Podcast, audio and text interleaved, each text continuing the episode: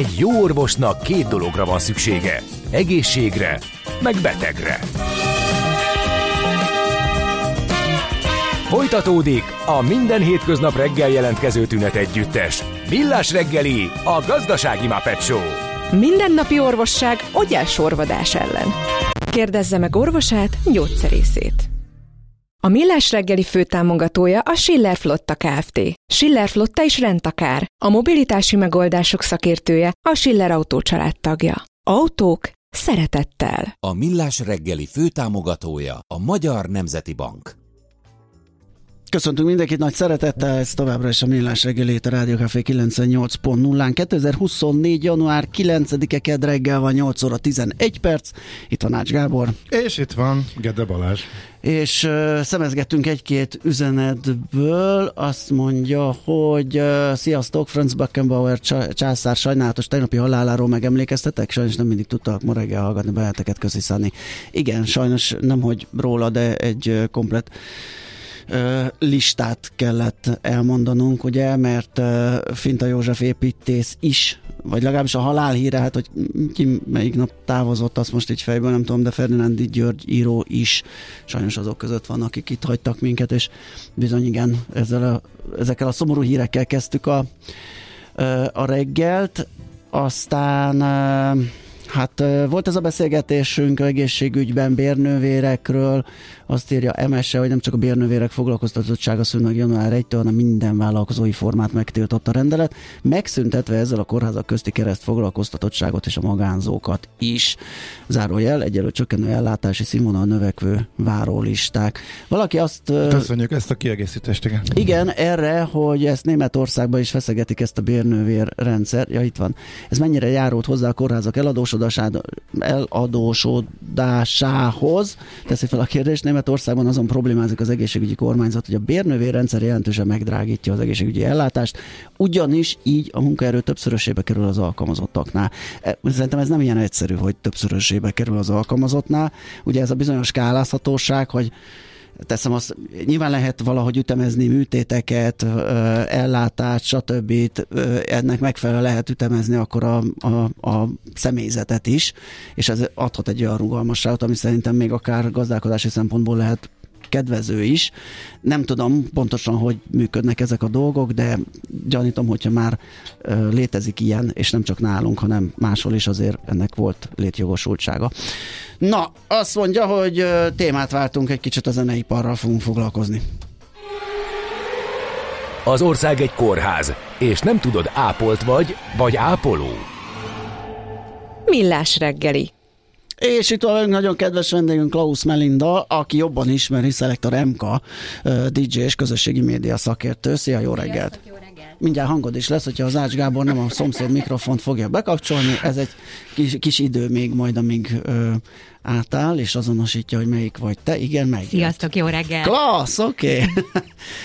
Na, az az ötletünk támadt, egész pontosan Mihálovics András fejbe folyamatosan ott motoszkált a, a, a téma, illetve hát én támogatólag ott álltam mellette, aztán másik két kollega nem annyira. Ez így ebben a formában már kapásból csúsztatás jelezném, noha még is sem derült, hogy miről van szó. kikéred magadnak már. Így is van. Az Azaria jelenség kapcsán merült fel bennünk, hogy kicsit vizsgáljuk meg azt, hogy, hogy opá, milyen, hogy működik ez a közösségi média és a zene, a tehetség együtt, iszonyú gyors felfutásokat lehet látni. Aztán, hogy ez mennyire lesz tartós, majd kiderül Azaria esetében is, ott az egy jó eséllyel én megkockáztatom, hogy kicsit hosszabb dolog lesz, de van, hogy ilyen egy-két sláger erejéig is akkor pattannak előadók, hogy, és annyian vannak már, így követni se tudom, hogy, hogy ki kicsoda, amikor csak hallom a híreket, hogy a nagyon gazdag, nagyon menő Brett Meyer nem tudom mit csinált, és azt se tudom, kiről van szó. Tehát, hogy hogy működik ez, hogy mi változott meg, hogy régen ilyen nagyon kőkemény, trappolós meló volt feljutni, meg egyáltalán észrevétetni magát a zenészeknek, most meg azért ez viszonylag gyorsan megy. Igen, most a hosszú távon való fennmaradása nehezebb. Aha. A rövid táv meg könnyebbé vált, köszönhetően a social médiának, mert ott egyrészt megjelentek a sztorik, megjelentek a rövid videós tartalmak, ahol gyorsan kiragadott zenei elemekkel, akár egy jó refrénnel meg tudod hatni a közeget, arra pici táncolást vagy challenge-et beraksz, és már is felkapja akár a TikTok népe, és gyorsan körbe megy az éterben. És pont emiatt, hogy ilyen gyors, rövid időtartamok ö, fogják meg az embereket, emiatt a hype jelenség megnövekedett, tehát az, hogy most és azonnal akarom, ezt meg akarom szerezni. De az, hogy hosszú távon folyamatosan elmélyedjek benne, megismerjem, hogy ki ő, az már sokkal nehezebb munkává vált. Tehát egy-egy számot felragad a közeg, uh-huh. az felkapja, és utána valahogy le is engedi, és itt kell arra figyelni, hogy akkor újabb számot bedobja köztudatba, amit megint felkapnak így hype és ezek a hype hullámok tartják végül is vizen az előadó. Ez elég nehéz lehet tényleg a fennmaradás. Az. Baromi nehéz szerintem a mai világban, mert, mert az a baj, hogy tényleg a közösségi médiának köszönhetően, illetve a lerövidülő ö, tartalmaknak, posztípusoknak köszönhetően kevesebb az esélyed, hogy a felhasználók elmélyüljenek uh-huh. a tartalomba. Tehát ha az első három másodpercben te nem vagy eladható, nem vagy érdekes, akkor kész vége a sztorinak. Akkor ez teljesen átalakult közösségi média felfutásán belül is, mióta TikTok van, és nagyon rövid tartalmak uralkodnak? Tehát mondjuk egy három-négy évre ezelőtthöz képest is ez egy jókora változás, ha jól értem. Abszolút, tehát nagyon-nagyon felgyorsult a világ, és emiatt az idegrendszerünk is eléggé, hát nem azt mondom, hogy tropán van, de eléggé igen kiégett, mert hogy annyira gyors lett az információ közlés, a felhasználókat meg benyelte a social média, hiszen az algoritmusok nagyon szépen, ugye a mesterséges intelligencia fejlődésének köszönhetően ráhangolódtak az igényekre, pár másodperc alatt eldönti, hogy mi kell a fel felhasználónak, tetszik-e a felhasználónak az adott tartalom, és abból az irányból mutat több tartalmat. Tehát magyarul, hogyha te egy picit ö, művészibb vagy, és szeretnél ilyen lejtmeneteket, uh-huh. kiállásokat, bármi egyebet belerakni a zenétbe, akkor már nehezebb lesz a dolgod, mert hogy nem mélyednek el az emberek a tartalomban. Uh-huh. Tehát most és instant módon azonnal akarják a, az érdekes, a legszexibb részeket. De már akkor is nehéz, ugye, hogyha egy kicsit több rétűen zenélsz, tehát nem valami valami egyféle stílust követsz, vagy rájössz egy valami ritmusra, és gyártod a hozzá nagyon hasonlós, illetve épp ez a siker kulcsa gondolom, hogy akkor elég hasonló dalokat kell csinálni, mert azzal fogsz te folyamatosan az adott célközönséghez beérkezni. Ez nagyon összetett, mert az a baj, hogy közben ugye a mostani fiatal generáció, értsük ezt az, kb. az egyetemisták első munkavállaló uh-huh. korszakáig, ők abba szocializálódtak, hogy gyors váltások vannak, és pont emiatt, amikor ugye ők gyerekek gyerekek voltak, a szüleik rengetegféle zenét már hallgattak. És emiatt a mostani gyerekek, vagy akár ö, tinédzserek, egyetemisták nagyon sokféle zenei irányban nyitottak. És például Azariának szerintem az egyik sikerének a titka a social media használat mellett, ez a tudatos zeneírás, hogy több fajta műfajt rak egy számba. Uh-huh. Tehát egy számon belül is, hogyha meghallgatjátok, nagyon gyakran négy-öt fajta stílus, Igen, különböző nyelvek keverednek, és ez pont ez az instant megoldásokat teszi lehetővé, hogy nem unod meg. Tehát, hogy hiába négy perces egy szám, de mégis azt érzed, hogy te egyszerre négy-öt számot hallgat. Lehet, hogy ezt ennyire tudatosan rakta össze, és ennyire direkt? Vagy... Én több interjút már... olvastam vele, Aha. igen, igen, tehát ő, ő abszolút tudatosan, a mesterséges intelligenciát is használ, tehát ő nagyon tudatosan használta magát a social media felületeket is, ugye a Paul Street karujától indítva, meg ő projektnek... Eleve az online térben tanult meg zenélni, ugye, és onnan szedte a, eleve a tudását, úgyhogy már ott volt kéznél az, hogy akkor az eladhatóságot is, vagy azt a mintát is levegye. Abszolút, abszolút. Tehát ő projektnek tekinti ezeket a dolgokat, és abszolút hozzárak minden olyan elemet, ami az eladhatóságot növeli. És az, hogy a követőbázisait meg tudta mozgatni, akár egy botrányjal, tehát most itt egy Toy Toy Story-ra is gondolva. Hát az, az jól ott maradt, igen. Az Na de hogy e- ezzel ugye Aha, a hírnevét abszolút vitte. De ez például mennyire volt tudatos?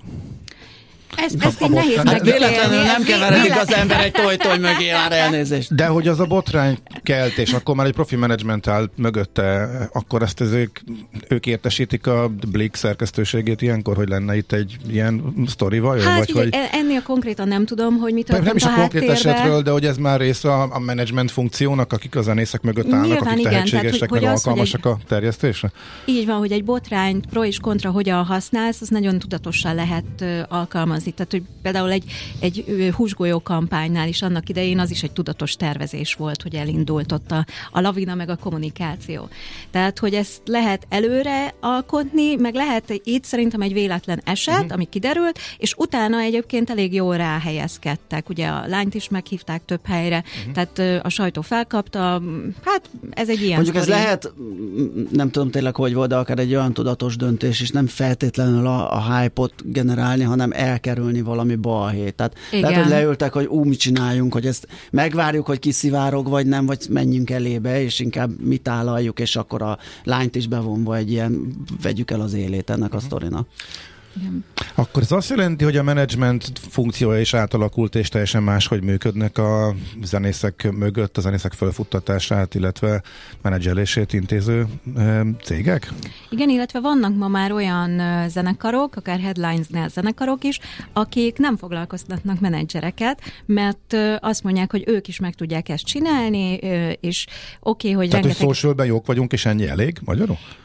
Nem feltétlenül elég, mert nyilván ott kell tárgyalni, egyeztetni, szerződést kötni, tehát a turné management, az, hogy minden rendben legyen, az is egy nagyon fontos aspektus ennek a sztorinak. Csak egész egyszerűen a mai fiatalok ugye nagyon sok mindenhez értenek, az, hogy mélységi ismeret van vagy nincs, az egy másik történet, de hogy sok mindenhez van valami alapinformációjuk, és emiatt nagyon gyakran megpróbálják magukat, vagy kipróbálják magukat különböző területeken is. Tehát emiatt azt gondolom, hogy a menedzsmenteknek a szerepe szintén átalakulóban van, hiszen ott is a social media azért eléggé átalakította ezt a dolgot. Régebben ugye a kapcsolattartás, az, hogy szerződések kint legyen a zenekar időben. Ismer embereket, össze tudja hozni ezeket a dolgokat. Most komolyabb, neki is ilyen social szakértőnek kell lenni, meg egy csomó minden máshol olyan plusz tudást adni, amitől azt mondja esetleg a zenekar, jó, akkor nem kísérletezek, hanem akkor csinálta. Így van, tehát uh-huh. összetett tudás kell. A nehézség az az, hogy annyira gyorsan változnak a social media felületek, hogy hát abban is elmélyenni és folyamatosan követni a trendeket, az szerintem rengeteg idő. Hát az, tehát... az, az tényleg döbbenet, vagy a sehozás, vagy az akármelyik része ennek, tényleg az ember mire azt mondja, hogy hú, de jó, találtam valami megoldást, az lehet, hogy egy hét múlva nem fog működni. Így van. Aha, nagyon nehéz ez. Most pont éppen ebben a pillanatban mi a trend? Tehát, hogy mi a legfontosabb a TikTok mennyire terjedt el Magyarországon, illetve mi az irány, mi a változás, amit mondjuk látsz? Hát most per pillanat igazándiból a, a TikTok mellett, ugye a tinédzserek már elkezdtek átmenni a Twitter felületére. Tehát, itthon a Twitter? Itthon. Én azt hallottuk, hogy a Twitter Magyarországon sehol nincs.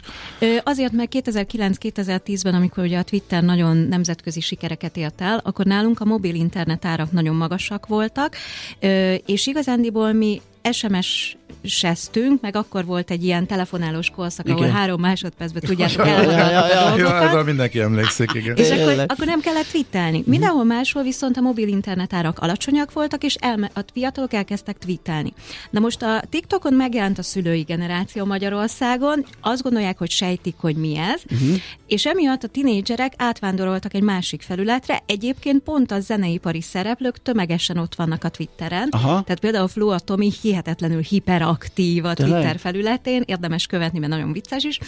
Ö, és ebből kifolyólag ott vannak a tinédzserek, ott sokkal jobban nyitottabban beszélnek, tehát nagyon durva 18 karikás tartalmak is vannak fönn, meg hát ott van a bíril, a poparazzi, ami újdonságként itt van Magyarországon, a bíril van itt, a poparazzi meg Európában. Tehát, hogy átalakulnak ezek a felületek, újabb és újabb felületek jönnek be, de hogy a TikToknak egy felhájpoló, felgyorsító hatása volt a piacra, az teljesen egyértelmű. Uh-huh. Az, hogy néhány másodperc alatt ilyen ítélnek, illetve ezt kell megismételni, az, hogy valakit uh, föntartsanak és uh, sikeres maradhasson, ez a zenei stílusok közötti versenyt is átalakítja. Tehát ugye a rocknak reszeltek, ezt már hallottuk néhányszor, aztán időnként mindig visszajött, de azért ez a rap, trap sztén, amely Magyarországon nagyon minden eddiginél jobban ezt mondjuk látjuk. Ennek is köze van ehhez?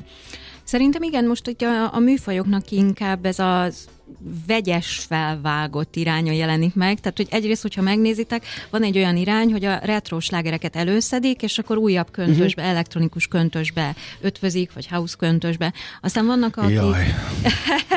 hát ízlések és pofonok. Ez, ez nehéz. De várjál, Reptér, Titus Break remixben, az szuper zseniális. Uh-huh. Tehát, hogy ezt tegyük hozzá. Ó, akkor azt még pont nem hallottam. De Na, igen, jó, az, az, az ideje. Meg kell nézni, hallgatnunk, igen. Szóval igen, ez is megváltozott, meg az, az, hogy különböző műfajok egymásra keverhetők jobban. Tehát én például mesápokat meg butlegeket nagyon szeretek összerakni, meg ilyen mindenféle ö, különleges verziókat megkeresni, és például amikor Nirvana twistben szól, akkor hogy elsőre az emberek nem értik, hogy mi van, aztán amikor leesik a tantusz, nevetnek egy nagyot, és onnantól meg beindul a buli. Tehát, hogy nyilván... Jó esetben, mert a hallgatóink között vannak, akik, akik te abszolút ö, nem, nem tűrnek semmiféle ö, variációt, vagy verziót, vagy feldolgozást, igen, és néha megkapjuk, Nem, hogyha... nem csak a Free is a Magic Number ellenes szekta van itt igen. a hallgatók között, hanem a, hanem a minden... Egy darabig, egy darabig, egy darabig hanem, lehet. Hanem a minden feldolgozást elutasított. túltolta, és ezzel sikerült. Szerintem. Aztán annyit szekáltak a hallgatók, hogy Ede kolléga elkezdett becsempészni újabb verziókat, hogy rám kenje a felelősséget, és bosszantsa a hallgatókat. Igen, igen. De hát ez olyan megújulás, nem? Persze. Tehát, hogy lehet vitázni. Persze, persze. De amikor ilyen kis apró botrányok vannak, beszólások, én azt szoktam mondani, hogy most ez hülye hangzik megint, de hogy ettetni kell valamennyire a trollokat, Persze. mert az érted van, viszi Igen. a híredet, és te kedvesen, aranyosan beszélgetsz velük, onnantól még kiderül, hogy jó fej vagy. Uh-huh. Több emberhez eljutsz, magasabb lesz az aktivitásod a social media felületeken, tehát ez nem feltétlenül baj, hogy bedobtok egy-egy ilyen zenét, és akkor utána ö, véleményeket írnak a felhasználók. Igen. A másik érdekes jelenség, még bocsánat, még szintén az az mellett, ugye, hogy felnő így a social térben, és, és nem maradott, vagy nem csak, marad csak ott, hanem ugyanúgy koncerteket is tud adni, iszonyú nézőszámmal. Tehát azért háromszor megtölteni az arénát azért az, az és egymás után, tehát összességében egy, egy nem tudom, tíz év alatt az, az is egy jó teljesítmény, de azért, azért ez kimagasló. Ez, ez honnan jön? Mert hogy ugye azt mondtuk, hogy a fiatalok ott a négy fal között, és akkor majd, majd fú, az online tér teljesen beszippantja őket, és majd nem fognak egymással kommunikálni, meg a, meg a valós világban jelen lenni. Hát az képest ez rácáfol erősen. Hát de ne viccelj, el kell menni a stadionba, hogy megcsináld a selfit, amit utána feltöltesz a TikTokra, Instagramra, yes, bírére. Erre nem gondoltam, tényleg. Tehát a Aha. motivációk megváltoztak. Jó, Ott akkor is odaérünk vissza, akkor. Igen, különben nem volt koncert. Igen. Így van. Tehát ami Aha. a social media felületen nincsen, az nem is történt meg, tehát majd kell csinálnunk nekünk is egy selfit, mert hogy, hogy erről szól ma a világ, hogy Igen. kvázi dokumentálsz. Tehát az, hogy, hogy az, hogy a két szemeddel nézd a világot, vagy négy szemmel, mert minden, mindenki szemüvegesek vagyunk. Ja, tényleg. De Van vagy 12 itt hármunknak, igen. Ugye milyen jó.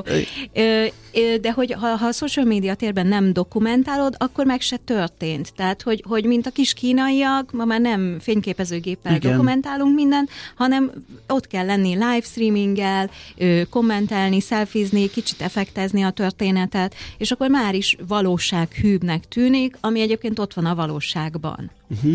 Mint DJ rád mennyire hat a közösségi média, média szakértői éned mi volt ott, akár az, hogy mit játszasz, akár az, hogy milyen stílusok irányába mész, ez mennyire van, akár tudatolat, akár tudatosan ott, hogy milyen irányba mész.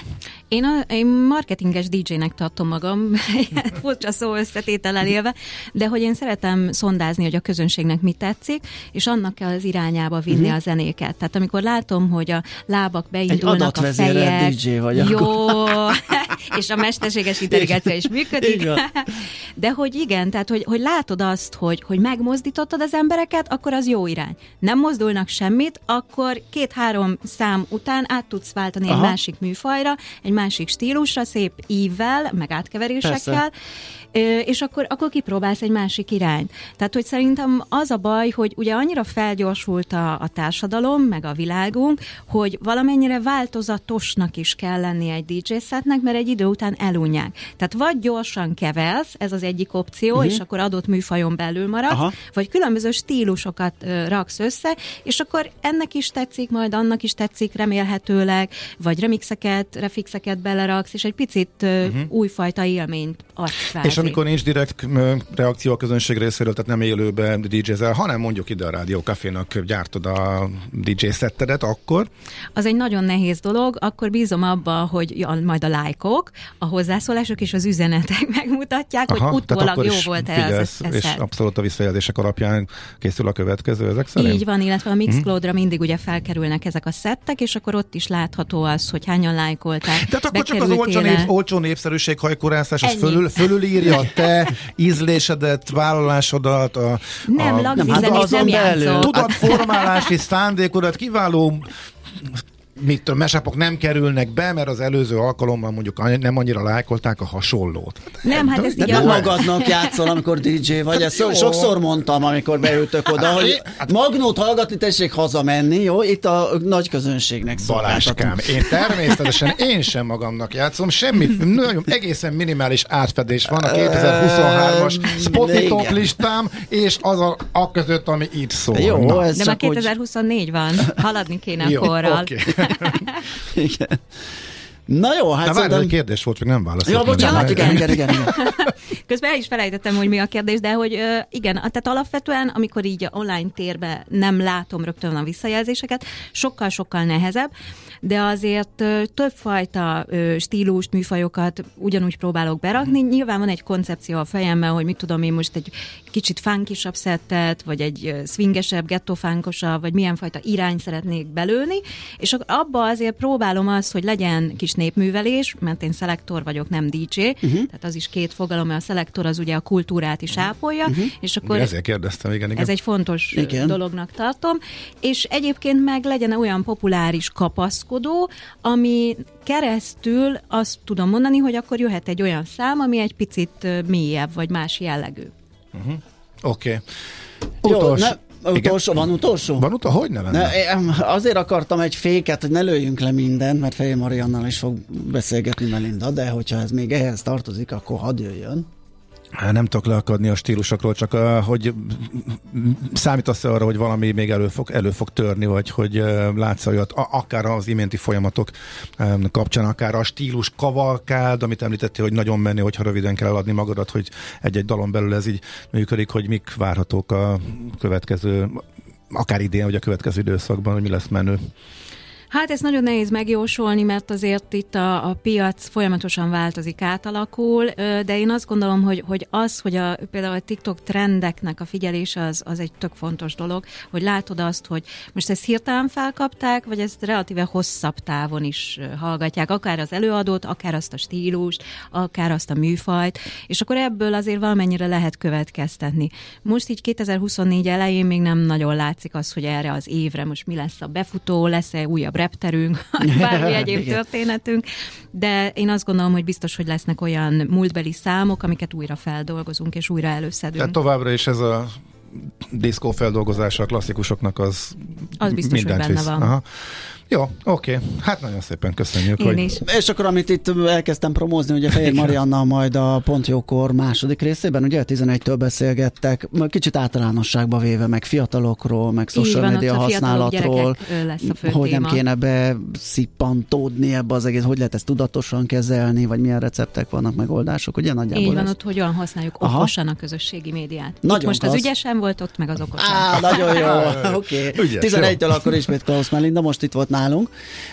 Nagyon szépen köszönjük, hogy beugrottál hozzánk, Én is és köszönöm. jót beszélgettünk. Megyünk tovább, zenélünk, aztán folytatjuk a millás reggelit. Tök véletlenül Arctic Monkeys következik erről, eszembe jutott, hogy hát ők voltak azok, akik még nem a közösségi média kapcsán, hanem az internet elterjedése, és amikor az interneten kezdtünk zenét hallgatni, mindenféle segítség nélkül, de a közösségi oldalról indulva az internet segítségével robbantottak, uh-huh. futottak be, még mielőtt megjelent volna akár az első maxiok, nem hogy az, az albumok, úgyhogy tök véletlenül, de mm, a maiaknál ezt valóban én például szívesebben hallgatom, szóval Arctic Monkeys. Azt azért senki sem kérdezi meg a doktortól, hogy doktor úr, a maga szíve sose fáj. Millás reggeli. Jé, hát ez meg micsoda? Csak nem. De, egy aranyköpés. Napi bölcsesség a millás reggeliben. Hm, ezt elteszem magamnak. Dés Lászlót is köszöntöttük reggel a születésnaposok között ma 70 éves a kiváló zenész, és azt mondta, hogy alkalommal a nyugati demokráciákat a szolidaritás élteti, a Citroen magatartás, a civil kurázsi. Ha viszont az autóban van elég benzin, és van esetleg még egy hétvégi ház is, akkor a magyar középosztály nagy részének már jó, már elégedett. Nagyon nagy baj, hogy ennyivel ki lehet fizetni egy társadalmat. Igen. Azt gondolkodtam, vajon mikor mondta ezt, mert egyébként bármikor mondhattam volna hát, el, elmúlt sok évben, de hogy mikor nem tudom. hatott ez ki? De ez elég régóta álló, azt hiszem, és létező némi zenei torlódás után ráfordulunk a témánkra, méghozzá arra, hogy a közúti fuvarozásnak drágulnia kell 2024-ben, ez egészen biztos, de hogy mennyivel, és hogy létezik-e az, hogy az infláció többszörösével dráguljanak a közúti fuvarozás díjai, azt Lajko Ferenccel beszéljük meg a Digilog Consulting ügyvezetőjével. Jó reggelt kívánunk! Jó reggelt kívánok én is!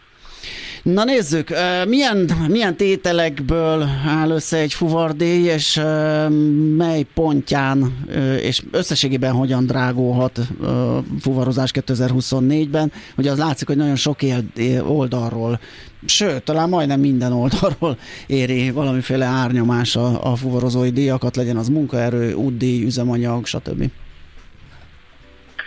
Igen, 2024-ben nagyon érdekes helyzet alakul ki, annak ellenére, hogy ugye csökkenő pályán van a hazai infláció, ami egy nagyon jó hír, és akár 5% körül is landolhat a jövő, az idei átlag, ugye a előjelzések szerint. Nagyon úgy tűnik, hogy a közötti forrázásnak a díjai ennek a sokszorosával kell, hogy növekedjenek, és ennek elsősorban költség okai vannak.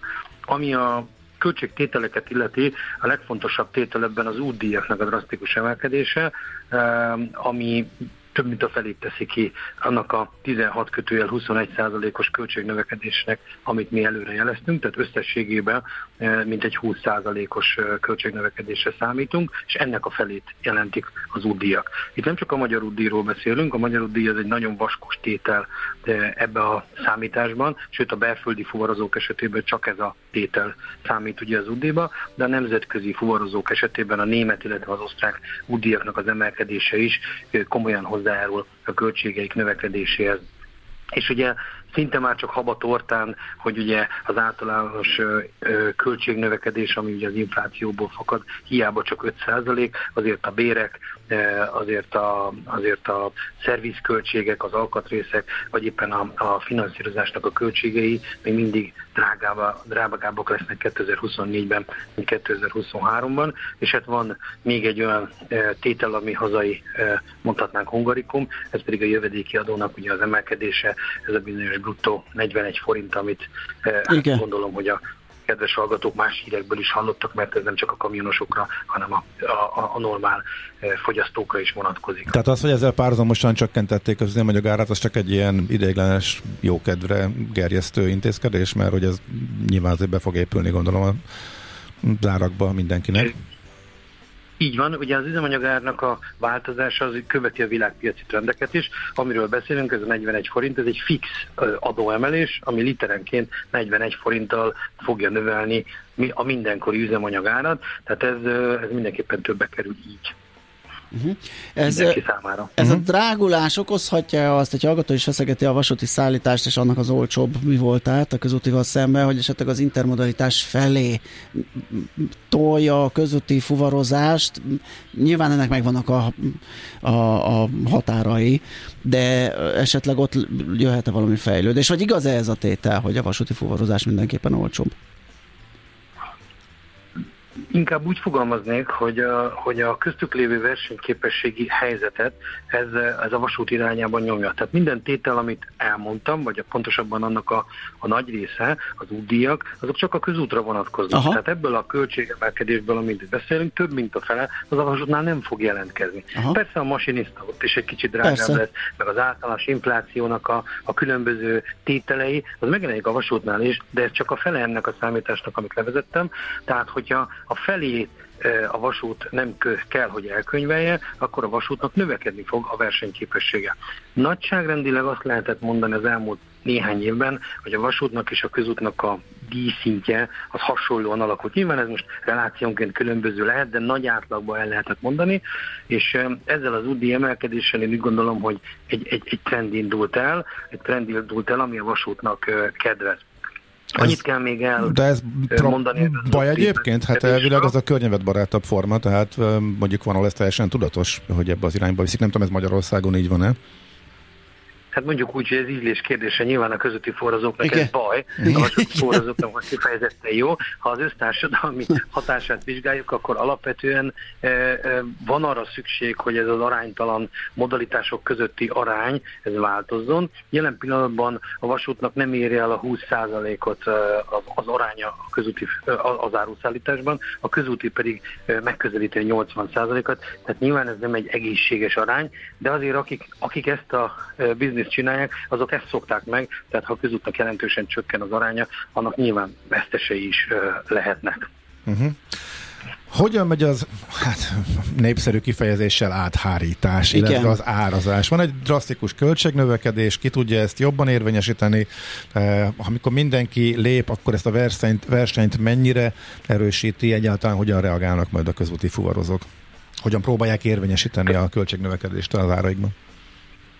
Közúti fuvarozóknak a, hát mondjuk úgy az elméleti helyzete ebben a ebben az UDI, UDI emelkedés kérdésben én azt gondolom, hogy viszonylag egyszerű, hiszen ez egy adó, UDI-nak vagy útadónak is szoktuk hívni, és más országokban is ezt ugye az államok eh, így kezelik, tehát adóként vetik ki, és eh, a fuvarozók, ha úgy tetszik, akkor ezt az adót be kell, hogy szedjék. Eh, de hát ugye ez nem olyan egyértelmű, hogy akkor beleteszik a díjaikba, és azt el is fogadják. Sajnos a közút az egy, az egy rettentően versenyző iparág, rengeteg a szereplő, tehát azt jelenti, hogy a, alapvetően a kereslet kínálat determinálja az árat, és kevésbé a költségek valós mértéke. Úgyhogy nincs könnyű helyzetben a közúti szakma az áthárítást illetően, különösen azért, hogy a recessziós helyzet miatt inkább kapacitás felesleg jellemezte a tavalyi évet ezen a piacon, tehát azt jelenti, hogy több kamion volt, mint szállítani való. Na most ebbe a helyzetbe bármilyen indokkal történő álemelés az egy nagyon nehéz kérdés. De hát azért a megbízóknak is érdemes nem csak rövid távon gondolkodni, hiszen olyan mértékű ez az UDI emelkedés, hogy ezt a közutas kollégák nem fogják tudni lenyelni egyszerűen. Tehát itt 16-21 százalékos költségnövekedésről beszélünk 2024-ben, miközben az, a, az iparágnak a jellemző profitja az átlagosan 4%, jobb időkben, 2022-ben volt egy ilyen év, elérte a 6%-ot. Tehát a 6%-ból nyilvánvaló, hogy a 16-21%-ot nehéz kigazdálkodni. Ha a megbízók nem fizetik meg ezeket a költségemelkedéseket, akkor a közúti fuvarozóknak további veszteséges hónapokkal, vagy akár évvel kell számolni. Már nagyjából tavaly nyár óta a közúti fuvarozás veszteségesnek mondható ami pedig kapacitás csökkenést, és hát végül kamion hiányt fog okozni. Úgyhogy én azt gondolom, hogy a piac azért a fubarozók fogja majd segíteni, csak lesz egy átmeneti fél egyéves időszak, aminek ugye komoly kapacitás csökkenés, vagy akár csődök is ö, ö, ugye lehetnek a következményei, és amikor a kereslethez igazodik ugye a kamion a mennyisége, vagyis a kínálat, akkor be fog állni az ár, és az áthárítás meg fog történni. Úgyhogy azok a megbízók, akik akik most előre látóak, azok, azok okosan mondjuk a stratégiai partnereiket mondjuk kifizetik, és akkor lesz nekik szállítani eh, járművük jövő éppen is. Mm-hmm. Hát ez nem egy örvendetes. Hát de nem hangzik túl jól. Uh, igen. Fejlemény. De hát ez van, ezzel tudunk Hát azon agyaltam, hogy hogy lehetne ebből kitörni, vagy, vagy, vagy kell ebbe, vagy igényel ez vajon valamilyen külső segítséget, vagy hogyan lehetne ezt mondjuk zöggenőmentesebbé nem tenni. Vagy pedig hát akkor végezzel a piac a dolgát, és akkor majd meglátjuk, hogy hányan halnak bele, és majd ha lesz leállás, majd ha lesz kamionhiány, lesz logisztikai fennakadás, akkor, akkor történik valami.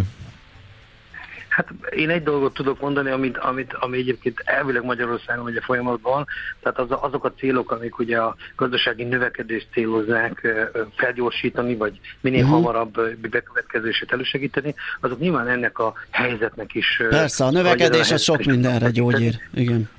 Pontosan, ha lenne több áru, akkor sokkal hamarabb megérkeznénk oda, hogy ez a kereslet-kínálat kiegyenlítés bekövetkezzen, és mondjuk nem feltétlenül az kellene hozzá, hogy sok fuvarozó tönkre menjen, hanem az árulap nőne. Hát ez lenne mondjuk a best szenárió, mi is ebbe reménykedünk, hogy ez következik be, de azért... És ha reálisan nézzük?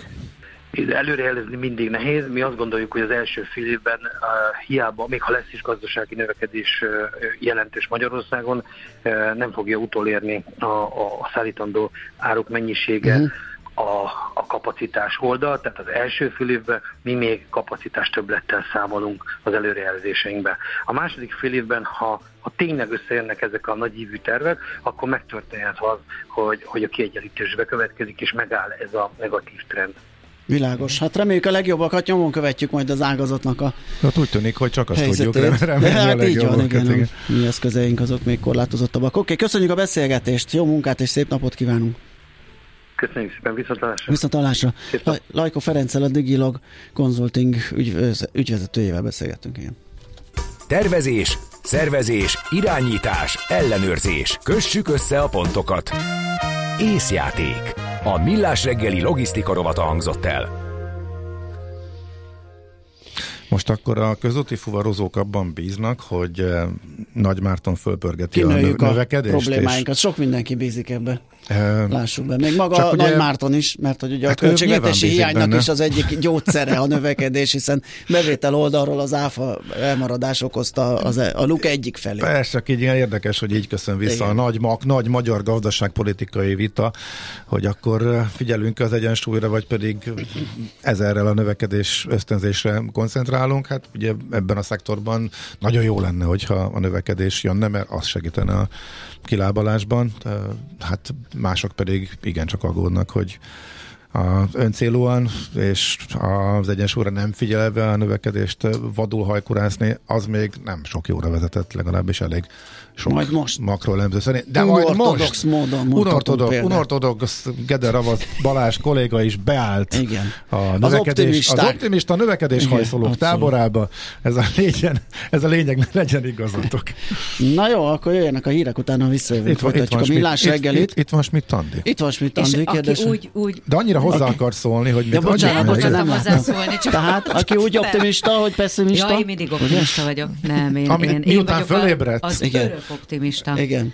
Tehát én, én már a barátnőim azt mondják, hogy olyan szintre emeltem az átkeretezés művészetét, Já. ami, már nagy, ami már nagyon magas szintű. Na, jó van, jó van. Nem, Kell nem, nem szenvedünk, nem ugye? depizünk, Tehát viszont fázunk. Még mindig. Ide fogok jó, beköltözni jó, hozzátok. nálunk jó idő van, ugye? ezt, Igen. ezt akarom mondani, hogy ide behozok valami nem tudom mit, és itt Egy fogok pricset. dolgozni, mert kint nagyon hideg van. Hát, és a tavalyi energiaválságban letekert hőmérsékletet próbáljuk tartani, de én már úgy szenvedek otthon. a Én azt nem, mert én azt 19-20 túltekertem, fokba. úgyhogy Én- nekem szeretem. nem. 19-20 fok van. Nálam Borzasztó. 21. Csinálni kell. Ha meg ö, leülök, vagy lefekszem, akkor meg betakarózom. Amúgy Igen. meg nem fázom, hogyha mozgok.